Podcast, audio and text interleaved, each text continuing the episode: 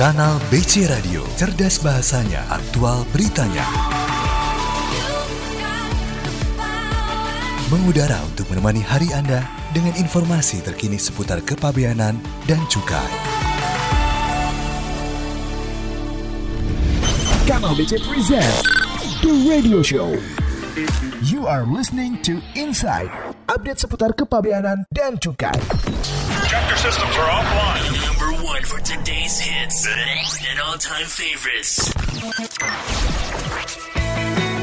Disiarkan langsung dari Gedung Sulawesi, kantor pusat Direktorat Jenderal Bea dan Cukai, kanal BC Radio, Custom News and Entertainment Station. Station. Halo, selamat siang sahabat BC semuanya. Senang sekali di sini kita bisa berjumpa kembali dalam program Insight ya Mbak Cece ya. Benar. Eh, siang hari ini barengan dengan saya Tegar Nawawi dan Cece Kartika. Sahabat BC, eh, kita semua harap kamu dalam keadaan yang selalu sehat walafiat ya. Mungkin siang hari ini ada yang eh, sementara bekerja dan juga mungkin yang lagi dalam perjalanan.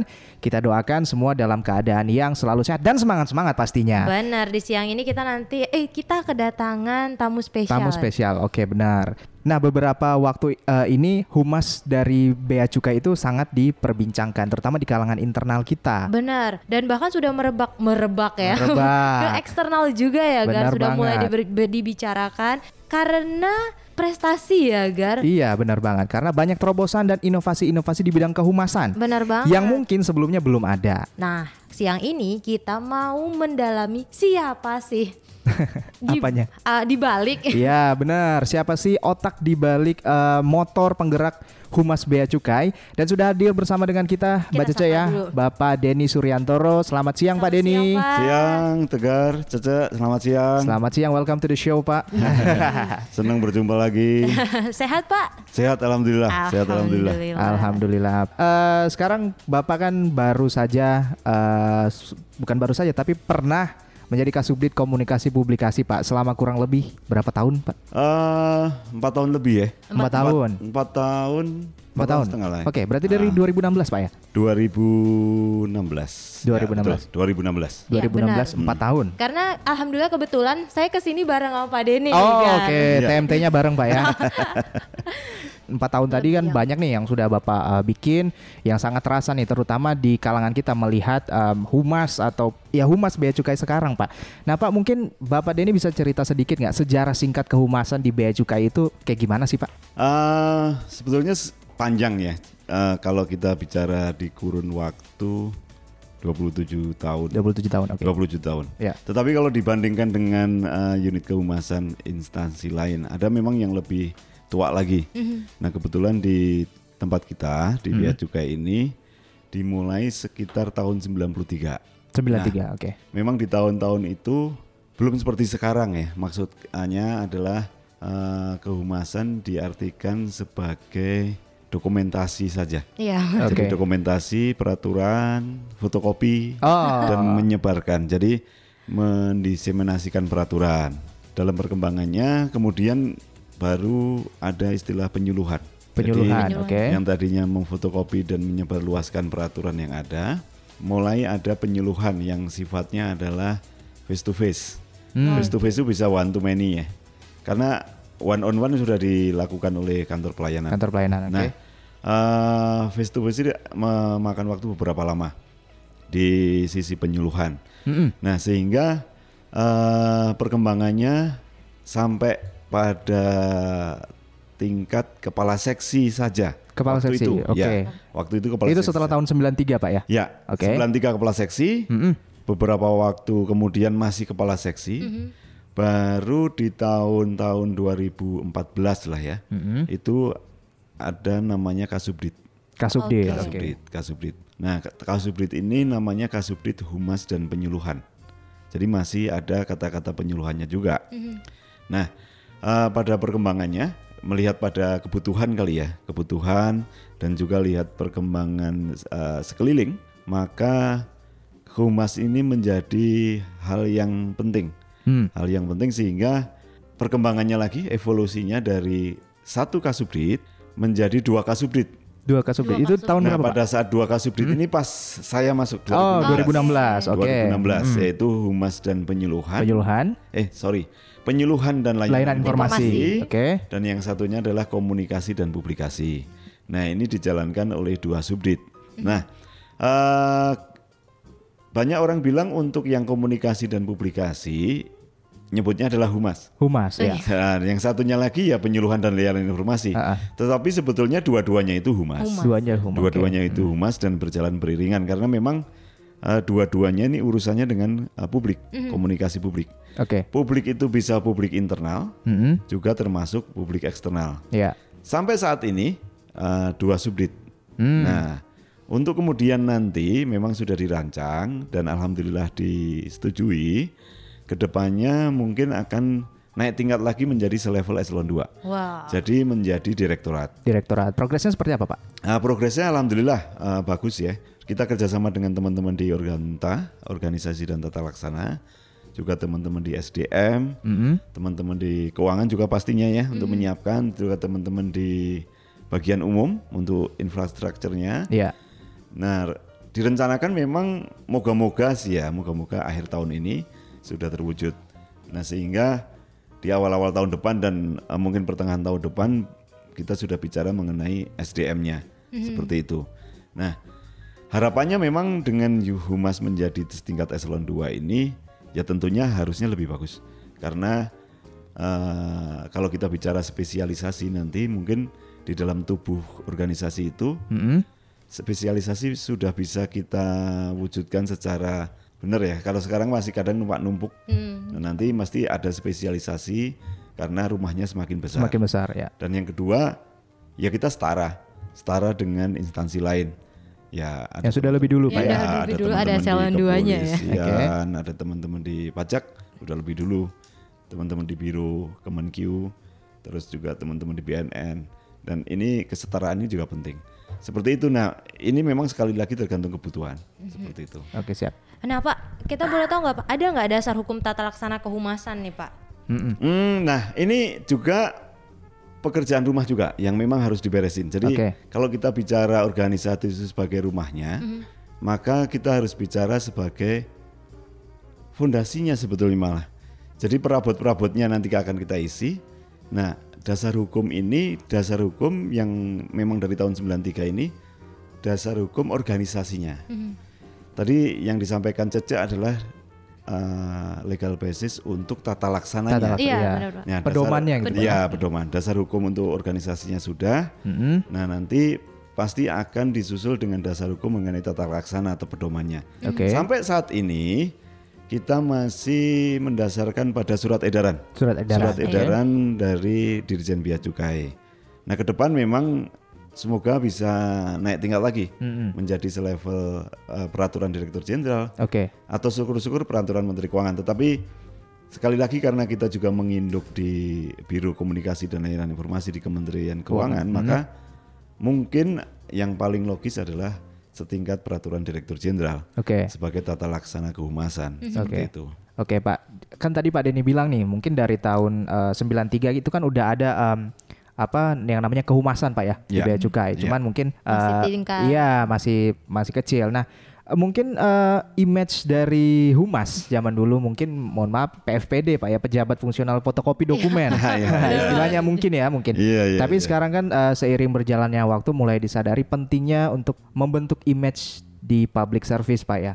Ya, Nah. ya betul. Tadi sejak tahun 2016 eh, menjadi setingkat eselon 3 dengan adanya penyuluhan layanan informasi, ada SE-nya Pak ya yang menjadi eh, dasar hukumnya itu kan baru di tahun 2018 Pak. Ya. Surat edarannya. Sebetulnya untuk surat edaran itu sudah lebih dulu. Oh, sudah lebih dulu. Jadi di Oke. tahun-tahun 2014 kali ya. Oh, udah pernah ada, Pak, ya? Oke. 2015 Sudah ada. Nah, eh, kita juga membuat penyempurnaan tentunya dengan terminologi-terminologi yang berubah. Juga melihat pada perkembangan, maka di tahun 2016 akhir juga kita menyempurnakan surat edaran tersebut. Sampai saat ini masih surat edaran seperti itu. Oke, siap. Apa udah ada progresnya Pak? Eh, next step dari surat edaran ini? Nah, kalau kita bicara mengenai tata laksana, ya pasti progresnya kita harapkan pasti akan lebih tinggi lagi ya. Yang saya bilang tadi adalah setingkat peraturan Direktur Jenderal. Oke. Nah, karena ini harusnya peraturan yang mengikat. Karena sekali lagi kalau kita bicara mengenai target, tentunya harus ada tata laksana yang mengikat. Bicara mengenai kehumasan, tidak hanya bicara mengenai kehumasan di kantor pusat. Ya. Sekali lagi mungkin Caca dan uh, Tegar tahu ada unit kehumasan kantor vertikal, Kantor vertikal, di ya. bawah-bawah kita. Ada 135 kantor, tentunya ada 135 unit kehumasan. Nah ini harus bergerak seirama. Maka perlu sekali untuk segera sekali lagi menyempurnakan lagi tata Oke. laksana. Dan dari sisi levelingnya eh, kita angkat setingkat peraturan direktur jenderal Oke. seperti itu. Oke. Baik. Kalau kita boleh tahu nih Pak, Bapak sebenarnya udah terjun di kehumasan nih sejak kapan sih Pak? Khususnya di Bea Cukai mungkin ya Iya, apa apa Pak Den ini punya background Oh, spesialisasi Ah, kehumasan. kehumasan atau gimana Penasaran. ceritanya, Pak? Ya kalau background sih sebetulnya nggak ada ya, karena saya dari kuliahnya pun kuliah accounting.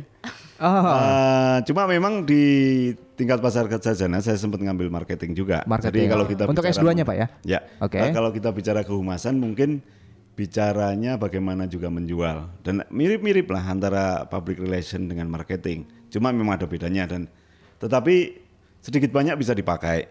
Terus mengenai pengalaman di kehumasan sebetulnya nggak ada juga. nggak ada. Berarti Jadi, ini baru pertama kali, Pak. ya? blessing. Nah, kita bicara mengenai pelatihan atau diklat. Sebetulnya nggak ada juga. Nggak ada juga. Jadi eh, sebetulnya diawali dengan suka. Suka dulu. Itu yang oke. penting. Eh, diawali dengan suka. Iya. Kita bicara mengenai passion. Kalau kita bicara mengenai talent, mungkin talent nanti bisa diasah. Tetapi gairah itu diawali dengan suka. Nah, eh, kalau saya lihat saya sendiri ya backgroundnya dari mulai eh, bekerja di Bea Cukai ini malah dari pengawasan sebetulnya Hmm. dari mulai audit ya pertama Audit- auditing, terus oke. masuk lagi ke intelijen terus habis itu juga masuk ke B2 juga tentunya Lapangan banget ya sebenarnya. Iya, itu teknis banget, oke. kehumasan. Cuma memang ada mirip-miripnya juga. Kita bicara mengenai siklus audit, siklus uh, intelligence, Dengan juga kehumasan, Siklus komunikasi itu sama. Oh, samanya Bisa gimana, Pak? dibilang sama. Penerapannya bisa Karena sama. kita bicara mengenai dari bagai plan, bagaimana planning. Planning, oke. Uh, ya seperti fungsi manajerial ya dari planning, organizing, act to acting, controlling itu hampir sama semua. Sama ya. Siklus audit ada, siklus intelijen ada, siklus komunikasi juga sama. Nah, sebetulnya ini hanya masalah penerapan. Oke. Nah, sekali lagi kita setelah ngomong mengenai pengalaman, teorinya juga pas-pasan lah. Hmm. Terus berikutnya mengenai eksekusinya. Nah, kalau bicara mengenai eksekusi ini style ya, ini masalah style. Jadi itu yang sebetulnya modal awalnya saja. Yang kedua yang paling penting, ini bukan karena saya juga, bukan karena individual, tetapi karena tim. Teamwork, oke. Jadi kita bicara mengenai teamwork.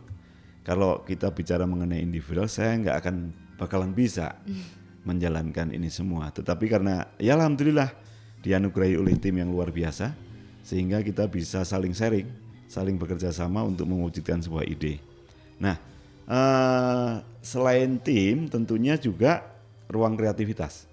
Nah, alhamdulillah karena ruang kreativitas ini sangat besar di tempat kita ini sehingga eh, ide-ide apa pun bisa diakomodir. Ide-ide apa pun di- bisa diakomodir. Nah, ini semuanya tentunya yang paling akhir adalah masalah leadership. Nah, leadership ini yang paling penting. Jadi eh, bagaimana kita diarahkan dan bagaimana saya mengarahkan. Oke. Jadi ini hierarkis ya. Nah ini semua tidak bisa terpisahkan nih antara tim, uh, terus apa namanya ruang kreativitas, terus leadership. Leadership. Di awal paling awal adalah passion. Saya bilang uh, suka tadi. Suka ya. Ada gairahnya. Ini adalah hal yang paling pokok. Sebelum kita bicara apakah kamu background komunikasi atau enggak, kamu pernah di humas atau enggak. Tetapi Oke. saya pikir adalah empat itu yang paling pokok. Oke, Pak, ini kan eh, kalau dengar kata humas mungkin bagi sebagian orang itu identiknya dengan MC, Benar. video editing, Eh, bikin IO. video, IO seperti itu. Nah, sebenarnya kemampuan apa sih Pak yang sebenarnya memang dibutuhkan di unit-unit kehumasan itu, Pak? Uh, uh, memang ya itu sebenarnya dibutuhkan juga ya. Kalau kita misalnya melihat pada pendapat awam bahwa yang disebut humas adalah pasti pertama kali adalah juru bicara. Juru bicara. Oke. Spokesperson. Semakin orang banyak bicara, oh itu humasnya gitu. terus yang kedua MC ya pasti iya, seremonial dan segala macam. Uh, terus yang ketiga event-event menjadi organizer. Ya. Nah, cilakanya memang zaman dulu malah dipersonifikasikan Ah, bahwa humas itu looknya harus seperti ini gitu. Oke, Eh, entah perempuan entah laki-laki gitu. Pasti yang agak eh, ganteng sedikit oh atau cantik sedikit ah, Humas. cocok- Humas. cocoknya humas gitu. Oke. nah, tetapi sebetulnya itu semua berubah. Kalau kita bicara mengenai digital marketing apalagi ya. Yang bicara adalah jari, yang bicara adalah otak. Sehingga yang paling dibutuhkan adalah intelijensia.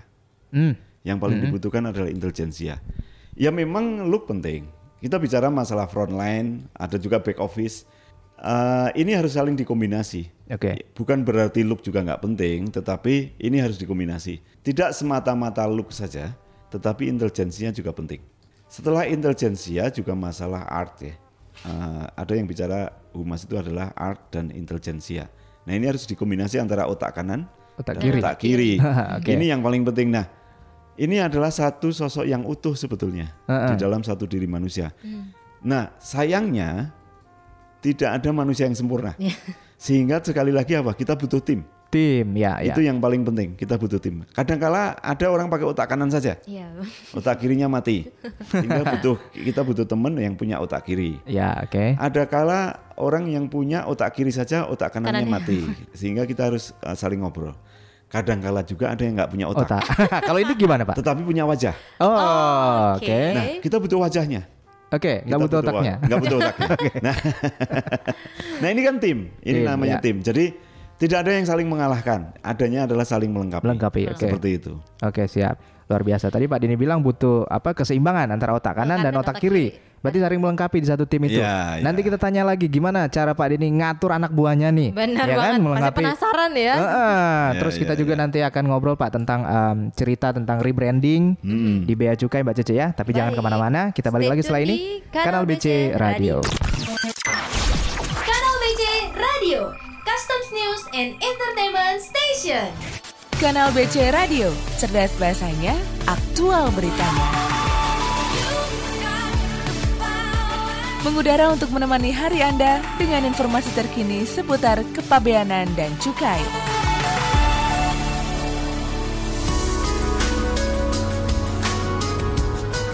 Kanal BC Radio Customs News and Entertainment Station. Selamat siang sahabat BC kembali lagi dalam program Insight. Masih bersama saya Cece. Dan saya Tegar Nawawi bersama dengan narasumber kita siang hari ini adalah Bapak, Bapak Denny Suryantoro. Nah tadi di segmen awal kita udah uh, ngobrol singkat ya tentang profil uh, Pak Denny backgroundnya ternyata tidak ada background kehumasan, Benar. tapi, bisa ada- menghandle unit humas sampai dengan sekarang. Nah, kita juga tadi eh, seperti yang udah Tegar sampaikan sebelumnya akan Ya. membahas rebranding ya, Gar, tentang Hmm. Bea Cukai khususnya. Nah, kita langsung aja, Pak, tentang rebranding citra Bea Cukai nih, Pak. Em, Melalui Iya. logo, ada Iya. juga dari Iya, itu kan iya. berasa banget nih, Pak. sekarang. Iya, Boleh iya. cerita dikit, Pak? Ya, Eh, bicara rebranding adalah bicara brand. Brand, oke. Brand. Jadi sekali lagi semua kita lakukan, baru kita cari teorinya, gitu. Ini sebetulnya learning by doing. Nah, eh, ngomong mengenai brand, kalau kita ngomong brand itu kan tanda ya. Hmm. Eh, Merek gitu, Pak, ya? Merek. Ya, Burn, tadinya namanya burn. Kalau di dulu di peternakan, Hmm. di mana di Inggris.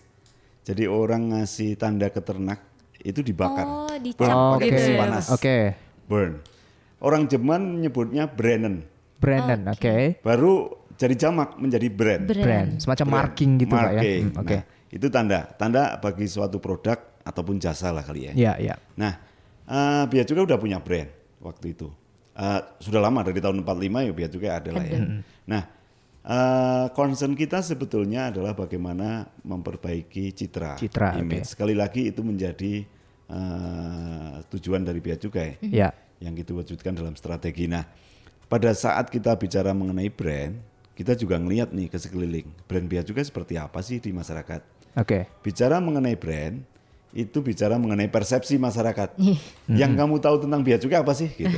Nah, yang mereka tahu kebanyakan adalah bea cukai tempat basah. Ya. Nah, yang kedua kadang-kadang yaitu banyak barang elektronik dan segala macam. Iya.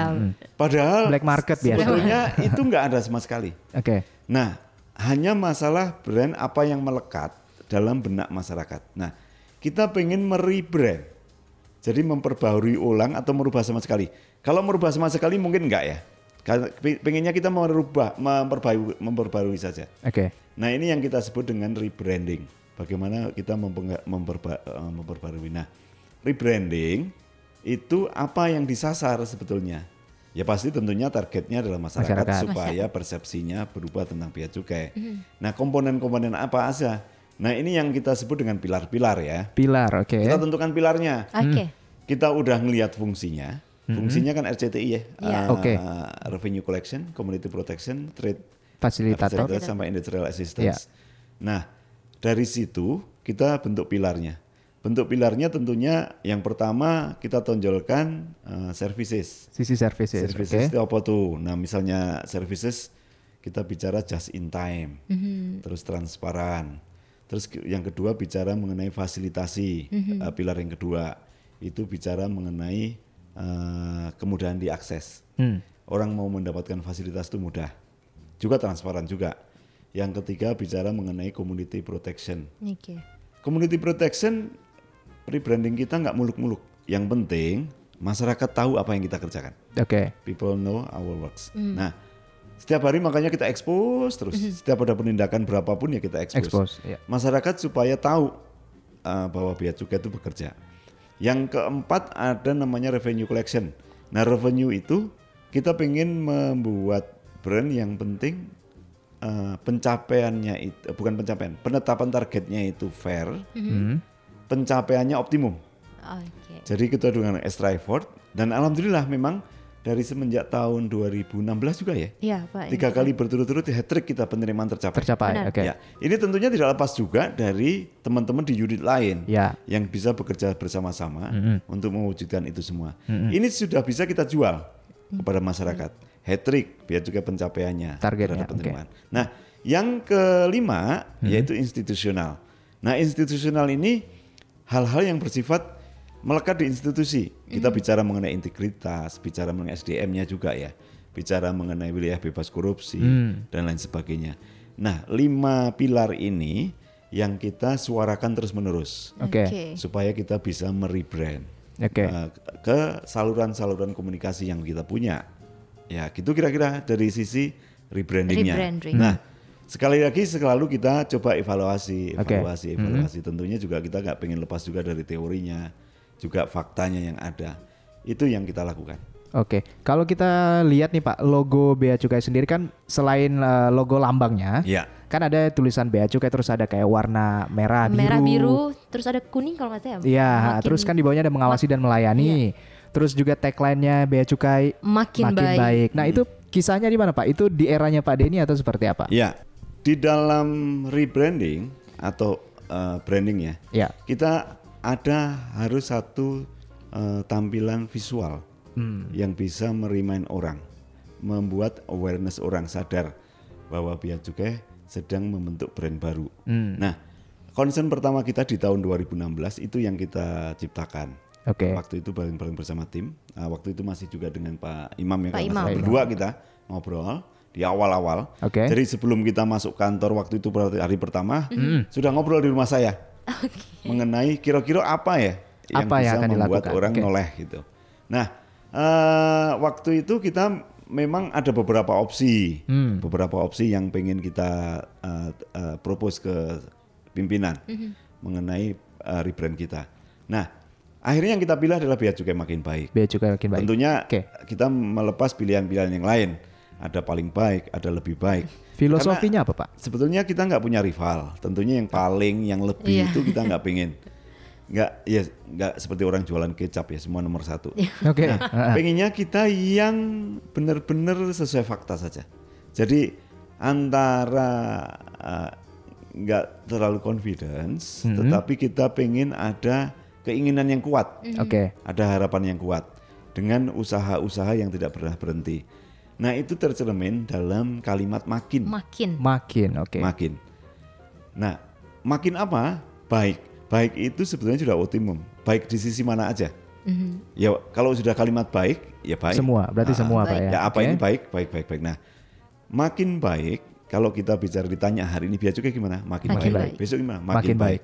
Oke. Jadi eh, itu bicara proses yang tidak pernah berhenti Berhenti ya. bicara proses yang tidak pernah berhenti Dan pada waktu kita menciptakan tagline atau jargon itu, Hmm. sebetulnya tagline tagline yang ada sudah tersebar nih di kantor-kantor pelayanan. Oh, Ya. mereka bikin ada juga kan gitu ya, yang Pak. siap melayani, Siap sigap melay- mengawasi. Oke, masing-masing kantor bikin sendiri pak ya. Hmm. Dan kita juga tidak mematikan tagline-tagline itu. Oke. Tagline biar cukai makin baik itu menaungi seluruh tagline. Oke. Coba kita tes. Siap melayani, sigap mengawasi, apakah itu bukan makin baik? Makin, Makin baik. baik Ya. juga. Jadi sebetulnya plug and play. Ya. Iya. Misalnya Tegara Majajak sekarang bikin tagline, pasti ada di bawah makin baik.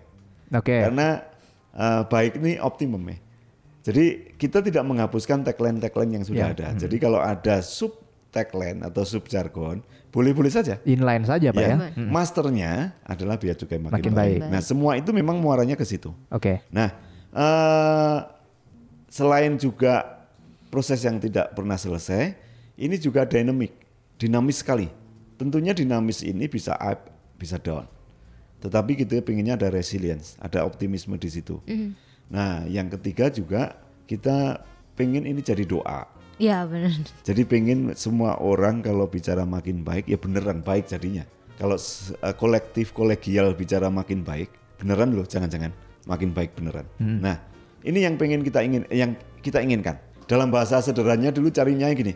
Kira-kira ada yang nggak bisa diucapkan siang sore Malam. pada saat foto semua orang teriak biar juga makin baik.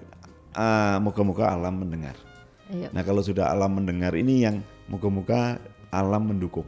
Nah moga-moga ikhtiar ini semua ya walaupun kadangkala secara realitas ya pastinya secara operasional ya up and down tadi tetapi tentunya ini kalau sudah semua bermuara ke situ di seluruh unit ya insya Allah beneran makin baik. Amin. Amin. Mestakung pak ya. Semestaku. Semesta mendukung. Tapi ini emang enak banget ya Gar kalau- Iya. Jadi uh, event apa pun di Bea Cukai maupun di luar mendengar makin baik Makin gitu. baik. Semua semua mendoakan ya. Benar, Apalagi dari Sabang sampai Merauke, tiap ada sosialisasi pasti bea cukai makin, Makin baik, makin baik. baik, makin baik. Iya iya. Nah, Pak, kita pengen tahu juga nih, Pak, inovasi kehumasan sampai dengan saat ini apa aja, Pak? Eh, bicara mengenai inovasi memang eh, kalau dari sisi saya pribadi sebetulnya pandangan saya sebetulnya sekali hidup harus bermanfaat. Nah, Ya. Iya.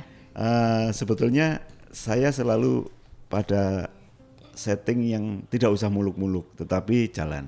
Nah, jalannya seperti apa? Kadang kita elaborasi nih. Sebuah organisasi ya pasti ada manusia, ada juga infrastruktur dengan segala keterbatasannya. Kita bicara mengenai humas di era-era awal maraknya sosial media atau digital eh, marketing. Sehingga mungkin dengan segala keterbatasan kita harus mengejar itu. Nah, pada saat kita mengejar itu kita punya apa dulu sih? Kita memang waktu itu juga kita identifikasi apa yang kita punya dan destima, destinasi mana yang mau kita tuju.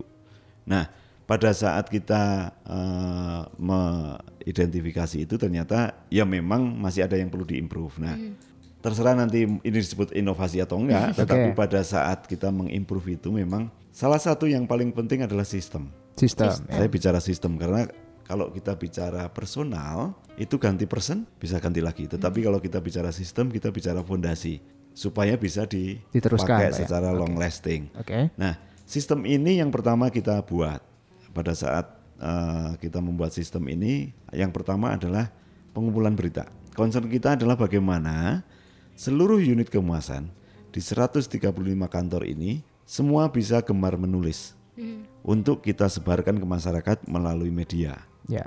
Nah, concern saya waktu itu kalau dikirim manual lama, kalau dikirim email itu juga kita bicara semi sebetulnya semi manual Gak efektif juga dan kan? juga nggak efektif, numpuk. Oke. Nah, kita bicara mengenai integrated atau true true komputer, bukan with komputer. Automasi, Pak. Beda antara with dan true. Nah, Oke, true oke. komputer ini adalah sistem yang terintegrasi bagaimana kita bisa langsung posting tulisan itu dan teman-teman editor di kantor pusat bisa langsung bekerja untuk langsung menendang ke media Eksternal. Eksternal. Oke. maupun internal. Oke. Nah, eh, terciptalah ketapel Ketapel. Keranjang berita dan pelaporan. Pelaporan, oke. Ya, keranjang berita dan pelaporan. Alhamdulillah eh, dengan adanya itu orang tertarik untuk menulis di seluruh unit kehumasan ya di Bea Cukai karena ada medianya dan tinggal nulis apalagi alasan yang dipakai untuk tidak menulis. Nah, alhamdulillah memang loadnya luar biasa tiap hari. Bisa loadnya itu tiap hari bisa eh, 50 sampai 100 berita ya yang bisa kita sebar. Nah, itu jadi fondasi yang pertama. Kita pinginnya bagaimana kita bisa menyampaikan kepada teman-teman media melalui tulisan. Jadi ini yang disebut dengan agenda setting. Agenda setting yang kita buat bisa terlaksana dengan lancar kalau kita menyampaikan tulisan ke media. Media, oke. Terus yang kedua, eh, concern eh, saya adalah eh, di sisi profiling. Profiling. Ya, mungkin karena background saya dari intelijen Pengawasan. audit, Ah, oke. pengawasan, kita harus memprofil. Humas, hubungan masyarakat, tentunya kita berhubungan dengan orang-orang. Ya, Nah, kita harus bisa memprofil orang. Parameter apa yang dipakai? Misalnya parameter siapa orang itu dari sisi jabatan dan segala macam, dan eh, bagaimana komen orang itu terhadap bea cukai. Oke. Tentunya bisa kita capture dari media, Ya. statement-statement beliau-beliau itu. Nah, kalau mengenai jabatannya gampang juga karena itu open source. Nah, dua kombinasi ini, dua dimensi ini yang kita gabungkan menjadi profil. Tentunya dengan kuadran-kuadran. Ada kuadran 9, kuadran 8, Oke. kuadran nah, beda-beda perlakuannya. Pada saat kita ngobrol dengan beliau-beliau atau dengan eh, orang yang diprofil, pada saat kita berdebat, pada saat kita adu argumen, adu opini dan segala macam, kita bisa mengukur juga bahwa track recordnya selama ini seperti ini, profil- profilnya di kuadran berapa. Jadi kita harus bagaimana. Ini yang disebut dengan risk treatment kalau di intelijen. Bagaimana kita bisa mentreatment resiko. Jadi ini bagian dari mitigasi. Itu yang kita apply atau kita deployment di satu sistem yang namanya sko, eh kok sko, pro, kompor kompor, Kompor. oke. kompilasi profil orang. Yang ketiga, terus kita juga mulai bicara mengenai kok humas ini bicaranya sekonyong-konyong terus ya. Kita pengen semuanya terencana dengan baik. Nah, terencana dengan baik, bagaimana seluruh unit kehumasan di Bea Cukai 135 satker itu bisa merencanakan dengan baik dan bisa mengeksekusi dengan pertanggungjawaban yang baik secara administrasi. Nah, inilah yang membuat kita membuat satu sistem yang namanya skop Skop, kolase komunikasi publik. Publik, oke. Jadi seluruh perencanaan unit kehumasan sudah bisa kita lihat setahun ke depan. Jadi Seperti seluruh- timeline ya Pak. Seperti timeline dan juga kita bisa hitung dia masuk pilar yang mana, persentase berapa, berat yang mana untuk komunikasi pesannya, terus pelaksanaannya seperti apa. Oke. Realisasinya seperti apa. Ini bisa kita ukur. Jadinya kita bisa melihat kinerja masing-masing satker. Apakah humasnya bekerja atau tidak. Nah, berikutnya yang keempat Empat, masih ya. ada lagi kendi. Kendi. Kendi Kepanjangannya apa, Pak? Keranjang data dan informasi. Oke. Itu juga satu sistem aplikasi sebagai alat tampung atau basket untuk menampung data dan informasi. Nah, keranjang data inovasi sorry, keranjang data dan inovasi. Untuk data ini data-data misalnya mengenai penghargaan, data-data Hmm. mengenai inovasi yang mungkin bisa kita jual Hmm. kepada masyarakat. Jual dalam arti kita bisa sampaikan ke masyarakat. Oke. Sekali lagi untuk citra positif ya Oke. itu kendi. Yang terakhir adalah di, di level aplikasi adalah aplikasi peliputan. Peliputan itu juga kita bikin otomasi di dalam aplikasinya sehingga orang order peliputan ini hanya di level pusat ya. Ini hanya baru di level pusat untuk yang uh, peliputannya. Kalau yang untuk lain, Sudah yang lain-lain di tadi sudah semuanya karena webis. Jadi webis itu bisa diakses oleh siapa saja. Masing-masing uh, unit pembina sektor misalnya Kanwil pun bisa mengontrol pada satker yang ada di bawahnya. Di bawahnya, oke. Nah ini dari sisi sistem informasi. Mm-mm. Eh, terobosan-terobosan ini yang kita buat sehingga memancing orang untuk selalu bisa bekerja dan selalu bisa dievaluasi. Oke. Itu intinya dari manajemen, manajerial. Nah, berikutnya pada pada sisi saluran komunikasi atau saluran eh, publikasi, kita bikin kanal nih, Ya. Oke. kanal BC Radio, Mm-mm, salah satunya, oke. eh, kanal BC TV, juga eh, eh, relokasi juga museum ya tentunya. Museum, ya. Eh, concern kita bagaimana museum itu bisa menjadi etalase depan. Juga perpustakaan. Kita pengen jadi satu antara museum dan perpustakaan menjadi etalase di depan bukan di belakang lagi. Supaya apa? Supaya masyarakat tahu tuh. Masyarakat tahu mengenai dinamika yang ada di Bea Cukai juga bisa baca literatur-literatur yang ada di perpustakaan sini. WBC kita bikin e-magazine Hmm. supaya lebih mudah. Oke, Tapi tapi bisa di-download tuh di Play Store oke. sama di apa namanya App Store. ya. App Store. Versi Store. cetaknya masih ada tapi Pak. Versi cetak masih ada. Oke. Kita cuma memang ada reform WBC yang versi lama yang lembar besar Jadi menjadi lembar yang uh, lebih kecil. lebih kecil, compact ya, lebih enak dibawa. Oke. Juga tinggal di-download nanti kalau Wiki Magazine-nya di Play Store maupun di App Store. App Store, ya. Nah, eh, sebentar lagi juga eh, kita bikin WBC menjadi portal media online. Portal web based Pak. Web-based tentunya, Oke. portal media online. Seperti halnya media-media yang lain. Ya. Ini kita bicara kehumasan di Biak Cukai ini hampir seperti bicara pengelolaan Media. media. Media. Oke. Karena kita ngomong peliputan, ngomong radio, ngomong televisi dan segala macam. Nah, concern yang berikutnya juga mengenai bagaimana kita bisa mengaktifkan sosial media. Oke. Sehingga kontrol kita terhadap sosial media ini bisa sepenuhnya apalagi terhadap 135 satker. Iya. Kita selalu kontrol sampai hari ini alhamdulillah untuk satker-satker hampir 100% punya sosial media. Sosial media. Wah. Oke. Dan followernya pun bisa kita uh, pantau sewaktu-waktu. Oke. Itu yang kita lakukan. Berikutnya juga protokol manajemen krisis, krisis manajemen, Manajemen, hmm. krisis komunikasi ya. Uh, kita juga ciptakan protokolnya. Uh, kalau kita ngomong berita negatif, apakah ini sudah masuk krisis? Bagaimana krisis handlingnya dan segala macam.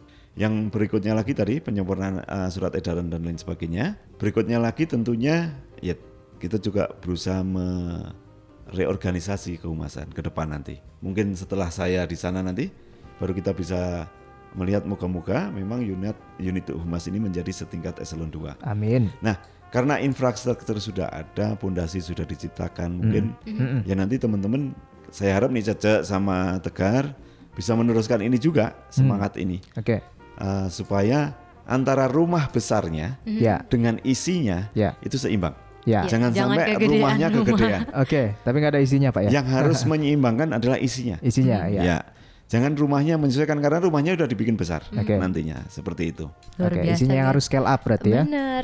Tadi eh, unik banget ya Gar nama-nama Aplikasinya. aplikasinya. Oke, tadi ada ketapel, ada kompor. Terlihat tuh humasnya Alat-alat ya? makanan, alat-alat. alat-alat Iya. alat-alat nah pak mau nanya pak eh, ini kan mungkin eh, dari aplikasi yang di handle humas humas pusat juga eh, connected untuk eh, humas-humas kantor daerah iya, iya, kantor betul. daerah nah gimana pak Pak Denny mungkin menyelaraskan kehumasan ini sehingga mungkin satu nada atau seirama dari pusat sampai kantor vertikal di bawah pak Iya ya. Eh, tentunya pasti kita selalu berkoordinasi. Eh, klasik ya. Kita punya grup itu pastinya. ya. WAG oke Ya, yang kedua kita juga melalui workshop-workshop pastinya. Dan semua yang kita buat ini kita buat yang namanya blueprint.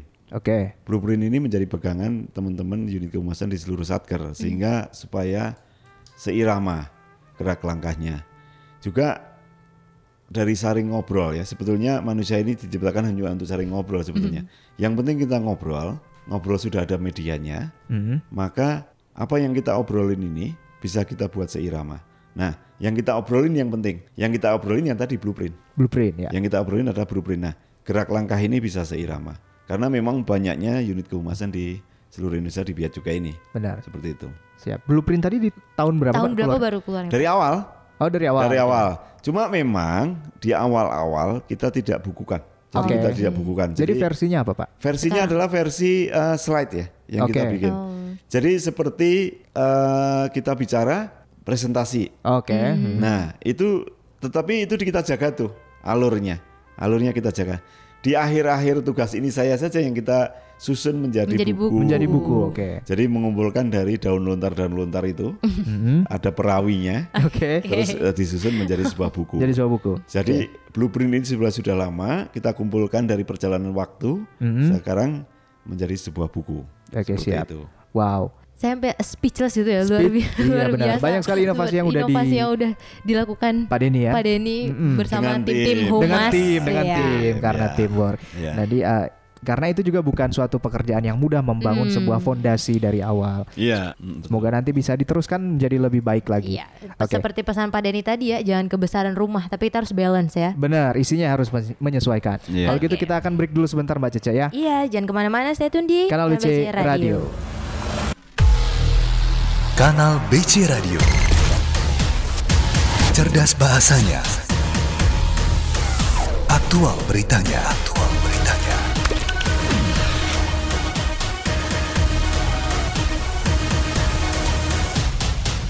Komitmen kami jadikan Bea Cukai makin baik. Kanal BC present The Radio Show. You are listening to Inside, update seputar kepabeanan dan cukai. Kanal BC Radio Custom News and Entertainment Station. Balik lagi di Insight. Masih bersama saya Cece. Dan saya Tegar Nawawi juga narasumber kita siang hari ini sahabat BC Bapak Denny Suryantoro. Kita dari awal udah ngobrol tentang eh, teknis kehumasan ya, backgroundnya seperti apa, kemudian eh, bagaimana Pak Denny membangun fondasi di Benar. awal-awal em, menjabat sebagai Kasubdit Komunikasi dan Publikasi dan juga berbagai produk inovasi kehumasan. Benar, ya. dan sebelumnya juga Pak Denny tadi sudah memberikan kita informasi sedikit ya tentang Oke. blueprint ya Blueprint benar banget yang menjadi guideline atau pedoman agar eh, humas bea cukai se-Indonesia bisa selaras ya. Nah kita pengen tahu juga nih Pak Mungkin lebih dalam lagi nih Benar. Ya. Kebijakan dan strategi, Strategi. Kebijakan dan strategi kehumasan bea cukai ini seperti apa Pak? Iya. Ya. Eh, kita bicara mengenai kebijakannya. Yang pertama, tentunya kita waktu itu menciptakan narasi dasar ya. Narasi dasar yang kita kalau peras intisarinya yang semakin baik. Intinya kita makin baik dalam eh, melayani, Oke. memberikan rasa aman, memberi kepastian dalam melayani dan memberikan rasa aman tentunya dalam pengawasan. Dan semakin baik ada optimisme dan agresivitas menyampaikan ini kepada masyarakat. Ya. Itu narasi dasar yang kita buat sebagai preambul, juga sebagai uh, turunan dari narasi dasar Kementerian, Kementerian Keuangan, Keuangan, oke. yang apa namanya hmm, kepercayaan terhadap janji Republik seperti itu. Nah, eh, dari narasi dasar itu yang tadi turunannya adalah tagline segala macam rebranding. Yang kedua kita tujuan tujuan. Jadi tujuan itu kita ciptakan tujuan jangka pendek, Jangka pendek, dan ya. jangka Panjang. Panjang. Oke. langsung. Jangka pendeknya pengennya kita di beberapa tahun terakhir ini masyarakat suka aja. Suka dulu, Suka. Oke. Yang penting suka aja. Oke. Yang penting suka. Jadi eh, nengok dulu, yang penting nengok. Nah, pada saat kita bicara suka ini, ya kita lakukan ini semua Hmm, supaya masyarakat itu noleh ke bea cukai. Di dalam tujuan jangka panjangnya, kita pingin masyarakat ada partisipasi aktif Partisipasi aktif. ada oke. engagement. Jadi kalau kita bicara engagement rate di sosial media, alhamdulillah memang di kalau kita bicara Instagram ya, Oke. ada di 4,25 persen. Lumayan tinggi, Pak, ya? Lumayan tinggi. Oke. Itu termasuk tinggi. Dan ini moga-moga ke depannya akan semakin, Semakin tinggi, oke. Semakin tinggi karena kita di dalam proses liking ini baru liking. Jadi kita anggap ini pemanasan supaya orang berpartisipasi aktif nantinya. mm-mm. Tujuannya apa? Supaya orang nanti kalau sudah mau terlibat dengan kita, paling tidak publik menjadi advokat kita. Sekali lagi masyarakat adalah majikan kita. Oke. Sehingga kalau kita bicara majikan, kita pengen disayangi majikan. Majikan kita masyarakat yang baja- bayang bayar kita adalah masyarakat. Oke. Dan kita juga pengen dibela oleh masyarakat. Nah, ini yang target besar kita di jangka panjang. Nah, yang ketiga, besaran yang ketiga adalah strateginya. Nah, kita punya strateginya dari kebijakan dan arah tadi. Strategi yang pertama adalah eh, apa namanya? communication intelligence. Sekali lagi, kita di era-era ini menonjolkan otak kiri ya Otak kiri ya. kita harus bisa mengolah data, kita harus bisa me- mempresentasikan data, bagaimana membuat strategi komunikasi. Semua harus terba terencana. Oke. Yang kedua adalah stakeholder engagement. Engagement. Ini walaupun juga ini menjadi tujuan jangka panjang, tetapi harus dari sekarang sudah mulai kita bangun. Engagement ini tidak hanya kita bicara di sosial media, Oke. tetapi kita bicara offline juga sama. Kalau kita bicara marketing ada uh, above the line, below the line, kita bicara below the Below line the juga line. sama. Kita juga bergaul dengan influencer, dengan endorser, Ya. dengan asosiasi dan lain sebagainya. Nah ini yang menjadi uh, apa namanya prasyarat kita untuk bisa engage selain online juga offline. Strategi yang ketiga adalah uh, public opinion building. Ini juga membentuk citra positif. Positif, ya. Ini sebetulnya ada strategi klasik dari kehumasan yang kita kombinasikan dua, dengan dua strategi tadi yaitu stakeholder engagement dan uh, communication, Communication intelligence. engagement. Dulu orang kalau ngomong customer satisfaction Mm-mm. itu sudah hebat.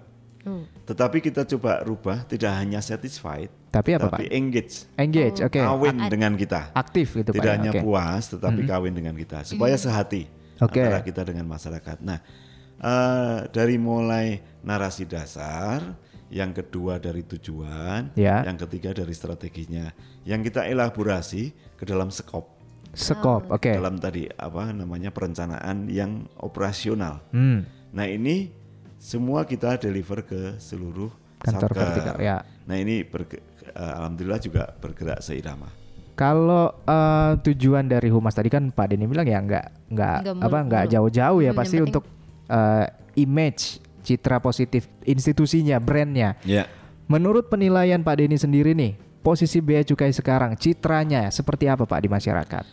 Eh kalau kita bicara positioning ya, Ya. ya namanya kalau kita bicara mengenai perkembangan bea cukai, kita coba mengcapture saja ya, dengan selalu kita sampaikan kepada masyarakat mengenai pesan-pesan yang kita punya, Oke, yang tentunya juga untuk tujuan kebaikan kita bersama, juga termasuk pekerjaan-pekerjaan atau kinerja kita.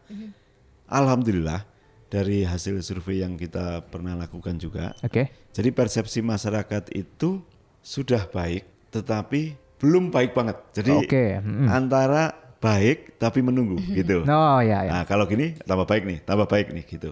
Nah ini up and down loh, juga bukan hal yang statis. Hmm. Nah ini yang membuat prasyarat kita untuk bisa mempertahankannya. Oke. Nah, mempertahankan yang sekarang persepsi sudah bagus, agar supaya makin bagus atau makin baik, itu butuh resilience atau daya tahan. Nah tentunya ini tidak hanya unit humas tugasnya, tetapi Benar. dari unit produksi juga, Ya. dari teman-teman di tempat unit-unit yang lain, tidak hanya unit humas semata. Nah ini harus bergerak seirama, resilient daya tahan, endurance. Oke. Jangan pernah kendor, jangan kasih kendor. Jangan kasih Jangan kasih kendor. Jangan Oke. kasih kendor. Eh, Begitu kendor sedikit saja, memang kita akan coba putar balik jadinya, putar arah ke belakang. Jangan lagi putar arah ke belakang, kita tinggal menatap ke depan. Oke. Karena begitu kita bicara sekarang makin baik, ya memang satu menit yang lalu kita bicara itu. Jadi masa lalu itu adalah satu detik yang lalu. Iya. Ya. Jadi kita bicara ke depan terus. Oke. Nah ini yang sebetulnya kita harapkan juga kepada yang muda-muda ya tentunya Oke. eh, untuk selalu bisa menjaga persepsi yang ada di mata masyarakat ini. Oke. Ini yang pengen kita bentuk dan ini bukan pekerjaan yang sudah selesai. Masih Tetapi ini masih kalau saya sebut ini malah awalan sebetulnya. Awal. Ini awal. Ini awal sebetulnya. Awal dari sebuah kisah panjang. Benar. Itu sahabat BC ya kata Pak Denny jangan hubungan pacarannya aja yang dipertahankan Benar. ya, Ya. ya. tapi ya, ini bea cukai kita bersama ya. Iya. Iya, iya. Kecuali pacaran di biaya juga ya. Ah, ya. itu double Pak kerjaannya berarti.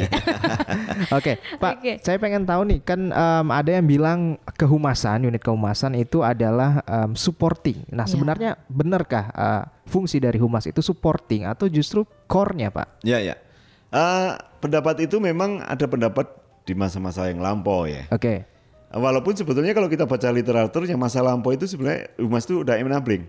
Karena kalau kita bicara di Romawi, Yunani itu kan ada juga tuh cerita mengenai bagaimana menempel papan pengumuman. Ya. Itu ada, itu udah tugas humas tuh sebetulnya.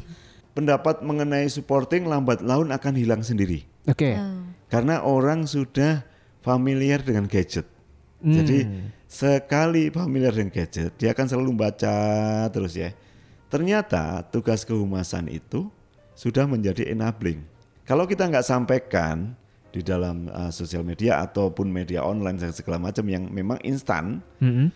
maka terkesan kita nggak ada kerjanya.